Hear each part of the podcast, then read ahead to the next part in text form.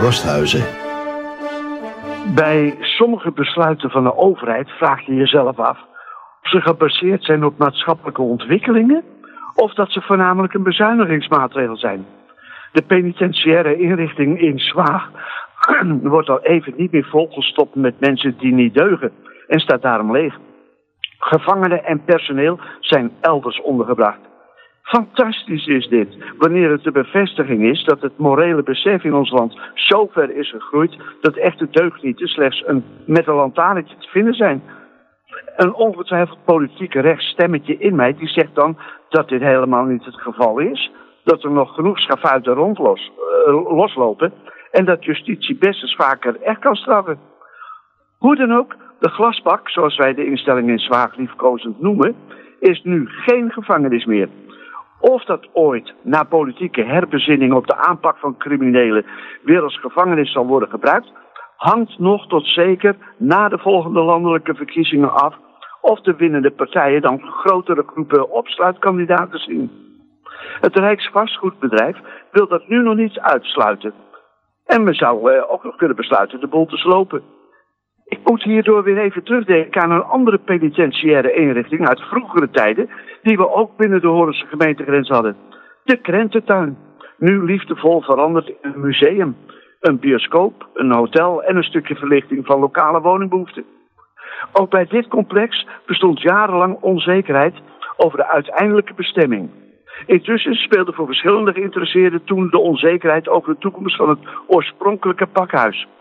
Sloop zou onwaarschijnlijk zijn, omdat wij al een paar decennia leven met een sterk ontwikkeld historisch besef. Zou dit nu ook allemaal gaan spelen rond de glasbak? Je kunt er vast op originele, maar toch bruikbare wijze woningen in realiseren. 30 jaar is helaas te jong voor een gebouw om verbeterde interesse van historici te wekken. Tenzij het gaat om een topstuk van architectonische waarde. Ik heb geen verstand van die zaken, maar het zou zomaar kunnen zijn dat deskundigen van mening zijn dat dit als uniek architectonisch hoogstandje bewaard moet blijven voor ons, voor ons nageslacht. Het Rijksvastgoedbedrijf krijgt in juli de sleutel van het complex. En ik vrees dat dit bedrijf wordt gerund door ambtenaren die precies weten of grondig kunnen uitzoeken wat ze er wel of vooral niet mee mogen doen. Burgemeester Jan Nieuwenburg heeft met hen gesproken. Maar hij maakt ook duidelijk dat het Horense gemeentebestuur zelf nog geen concrete of, of conceptideetjes over de locatie heeft. En eigenlijk is het in Horen bijna nooit het college dat scherp aan de wind zeilend meteen een setje bruikbare bestemmingsplannen klaar heeft liggen. En ik denk dat het ook juist leuk is als alle fracties in de raad zich ermee gaan bemoeien. En eigenlijk hoop ik dat een aantal alerte raadsleden zich al sinds vorig jaar of misschien wel vroeger heeft bezonnen op de vraag: wat gaan we doen wanneer de boeven op zijn? Glasheldere plannetjes moet je nu al rondstrooien voordat het Rijksvastgoedbedrijf tot de slotsom komt dat slopen de beste optie is. En dat zal, voor hen, dat zal het voor hen zijn.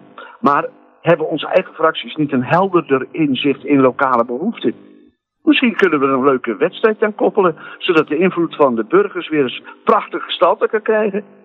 Kunnen we er iets van maken dat mensen kunnen zeggen dat ze maar wat graag in de glasbak vertoeven? Moeten we ons toch maar gaan zorgen maken over de enorme kosten die glazenwassers zullen berekenen. Hoe lang zal het Rijksvastgoedbedrijf ons gevangen houden in hun wijze van besluitvorming?